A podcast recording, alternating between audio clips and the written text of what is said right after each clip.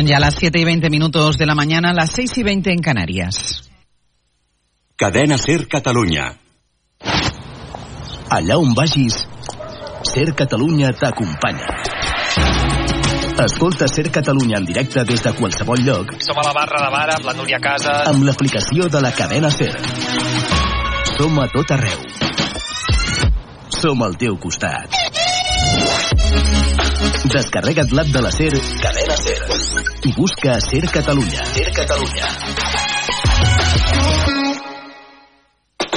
Arroba Ser Catalunya.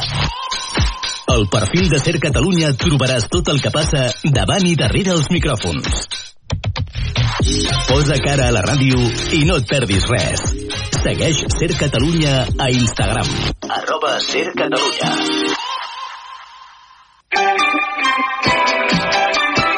Ser Catalunya.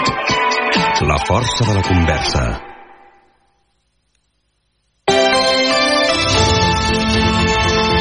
Hoy por hoy Catalunya. Sergi López. Què tal? Bon dia. Febre per vendre's liris a canvi de criptomonedes. Jo, si estigués econòmicament bé, no vindria. Però com malauradament a la feina no m'estan amb bé i no tinc molts diners per pagar la, la, la renta, tinc que venir y bueno... No sé, la verdad que sí lo hago con miedo, pero hay un montón de cosas que se nos van a escapar. Todo esto de la inteligencia artificial. Doncs ja ho veieu, hi ha llargues cues en alguns centres comercials de Barcelona per permetre que t'escanegin els ulls a canvi d'uns 70 euros en criptomonedes que paga l'empresa promotora que es diu WorldCoin. Protecció de dades alerta dels riscos de cedir informació biomètrica sense saber quin ús se'n farà. Ara en parlem, abans anem amb la informació servei. Comencem amb la informació del temps. Com està l'ambient, Jordi Carbó? Ambient una mica fred a aquesta hora del matí, 7 graus a Granollers, 6 a Palamós, 6 també a Mora d'Ebre, 5 a Viella. A la tarda, si bé pujarà menys que ahir, encara tindrem màximes arreu de Catalunya de 15 a 20 graus, amb ambient suau. Al matí farà sol, però cada cop amb més núvols, gran part de la tarda estarà tapat, com a molt cauran quatre gotes. I es confirmen els canvis pels propers dies, demà fortes ventades, temperatures encara altes, a última hora xàfecs al Pirineu, amb una cota de neu que anirà baixant ràpidament, a partir de divendres el descens de temperatura afectarà ja a tot Catalunya. Ara al RAC. Com està el trànsit? Alex Huguet, bon dia. Molt bon dia. El matí comença amb una incidència a l'accés 2 a la Ronda de Dalt des dels túnels de Vallvidrera, on hi ha una màquina d'obres avariada a l'espera que es retiri d'aquí a uns minuts, però per ara la sortida està tancada, provocant algunes cues. Complicada també la sortida de Barcelona per la C33, on s'ha tallat la calçada per un accident en sentit nord i ja hi ha un tram de dos quilòmetres de congestió des del Nus de la Trinitat. Comencen també les retencions habituals amb dos quilòmetres de cues a l'AP7 al Papiol en sentit sud, la C58 arribant al Nus de la Trinitat des de Montcada i les rondes també en sentit Llobregat, molta congestió ja a la B20 al tram de Santa Coloma i al Nus de la Trinitat i la ronda litoral amb 4 quilòmetres de retencions des de Sant Adrià fins al Poble Nou. És tot des del RAC. Bon dia. Bon dia, gràcies, Àlex. I avui, de nou, per robatori de cable, en aquest cas entre Sabadell Sud i Cerdanyola, hi ha problemes a Rodalies. La R4 circula en via única entre Sabadell Sud i Montcada, bifurcació la línia 7, està donant servei per carretera entre Barcelona, Fabra i Puig i Cerdanyola, Universitat.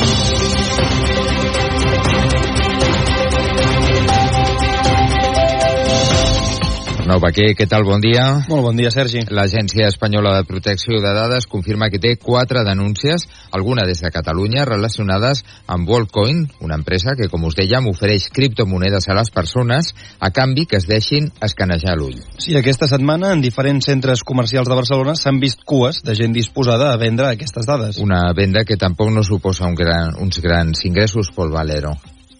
10 criptomonedes que equivalen a uns 70 euros. És la recompensa que han acceptat desenes de persones que han visitat l'estant que l'empresa ha col·locat al centre comercial Glòries. S'han descarregat una aplicació, han demanat una cita i una càmera els ha escanejat l'iris. Amb aquesta campanya, l'empresa vol atraure nous usuaris a la seva criptomoneda i a més volen crear un passaport digital a partir de dades biomètriques. La companyia va ser cofundada per Sam Altman, director executiu d'OpenAI, l'empresa que també està darrere del xat GPT. Diversos països ja estan investigant els dels perills d'aquest nou projecte i, mentrestant, les autoritats catalanes recomanen no cedir aquest tipus de dades, sobretot si no estem segurs de quin ús se'ls donarà ni on s'emmagatzemaran. També adverteixen que a partir de l'iris d'una persona es pot suplantar la seva identitat. Sobre aquest tema hi va passar pel balcó el pèrit judicial informàtic forense Bruno Juncà que deia que el veritable negoci no el fa qui cobra 70 euros per un escàner de l'ull, sinó qui està disposat a pagar-ho. Venguent aquestes dades, o sigui, aquí hi ha un model de negoci a darrere. I aquí ho saps tu, aquí ningú dona duros a quatre pessetes. O sigui, que te donguin 70 euros per al teu iris vol dir que ells en guanyaran 200 o 500 o, o 1.000 Junca també deia que el creador de ChatGPT i OpenAI és qui està darrere d'aquesta iniciativa que està provant de fer un sistema d'identificació personal mundial basat en dades biomètriques, un sistema que pot tenir molts riscos si no es fa un bon ús de la informació que està recollint.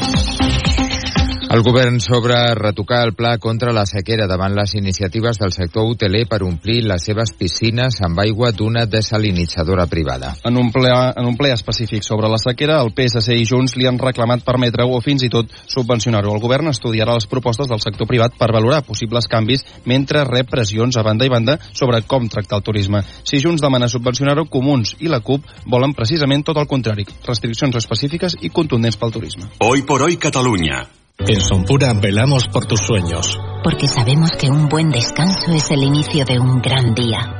Descubre nuestra gama de colchones. Sonpura, eres lo que duermes. Si sumem una veu històrica de la ràdio... Al llarg d'una hora i mitja us ha parlat Adelina Castillejo. A una de ben familiar pels oients de Ser Catalunya... Si us dic, eliminar impost de successions i garantir la construcció del Hard Rock, em direu, a veure, Marina, que estàs caducada però no. El resultat és Converses de Ràdio. Adelina Castillejo i Marina Fernández et conviden a una xerrada sobre el passat, present i futur del mitjà que ens apassiona. T'esperem a l'estudi Toreski de Ràdio Barcelona el proper dilluns 26 de febrer a les 5 de la tarda.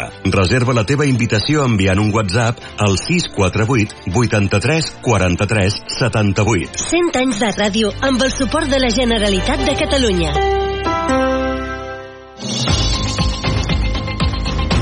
Tornem a les notícies. El 95% de les persones que busquen un pis de lloguer a l'àrea metropolitana de Barcelona tenen problemes per trobar-ne un que puguin pagar. Segons un estudi de l'Observatori de l'Habitatge, això ha fet que factors com trobar casa a prop de la feina cada cop sigui més secundari. Mònica Peinado. L'informe constata que la prioritat de les persones que volen comprar un pis és que estigui a prop dels seus familiars, mentre que en el cas dels que cerquen lloguer és que sigui assequible.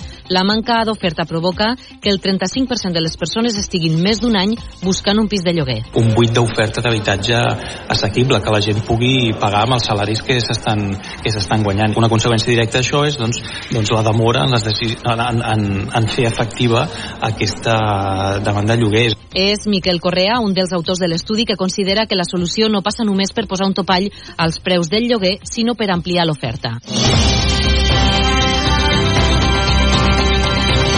La síndica de Greuges ha obert una investigació sobre el cas del nen autista que va patir una greu cremada a la mà a l'escola d'educació especial on està escolaritzat. La síndica ha demanat al Consorci les dades d'un cas que està investigant un jutjat. Els fets van passar el 25 de gener i el nen ja ha passat per diverses operacions i ara mateix continua ingressat a l'UCI de Vall d'Hebron. I els pares de la Kira López, l'alumna de 15 anys del Col·legi Pare Manyanet, que es va suïcidar al maig del 2021, han presentat una demanda per responsabilitat civil contra l'escola. L'Audiència de Barcelona no va veure indicis rellevants per investigar el cas penalment. Ara la família ho intenta per la via civil. De què acusen l'escola, Soleà Domínguez? Els pares de la menor acusen l'escola de no haver garantit la seguretat física i moral de l'adolescent i li demanen responsabilitats no només per la seva inacció davant les queixes per l'assetjament, que segons ells va rebre la Quira des de ben petita, sinó també pels episodis de violència contra la menor per part de professors. Els pares recorden que el síndic de Greuges ja va demanar que s'apartés a aquests docents una mesura que l'escola no va aplicar mai.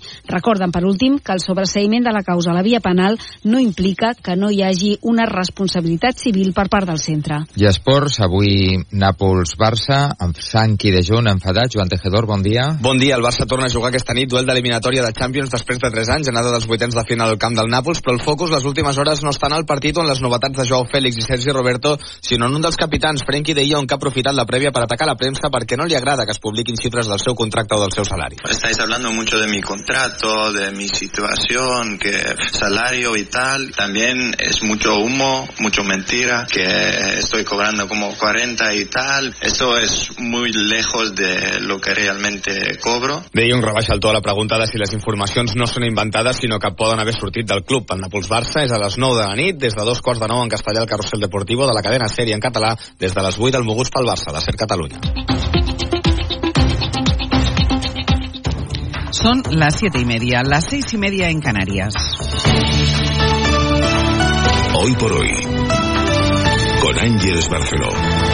Es uno de los testimonios de las últimas horas, el momento en el que Juan Carlos Unzue reprochó la falta de diputados en la jornada en la que los pacientes con él adhieron en el Congreso, para que los parlamentarios tomasen conciencia de que sus necesidades no están resueltas y de que urge la aprobación de una ley específica. ¿Cuántos diputados o diputadas hay en la sala? ¿Podéis levantar las manos? Creo que he contado cinco. Me imagino que el resto de diputados y diputadas tendrán algo muy importante que hacer, porque al final hemos venido a vuestra casa.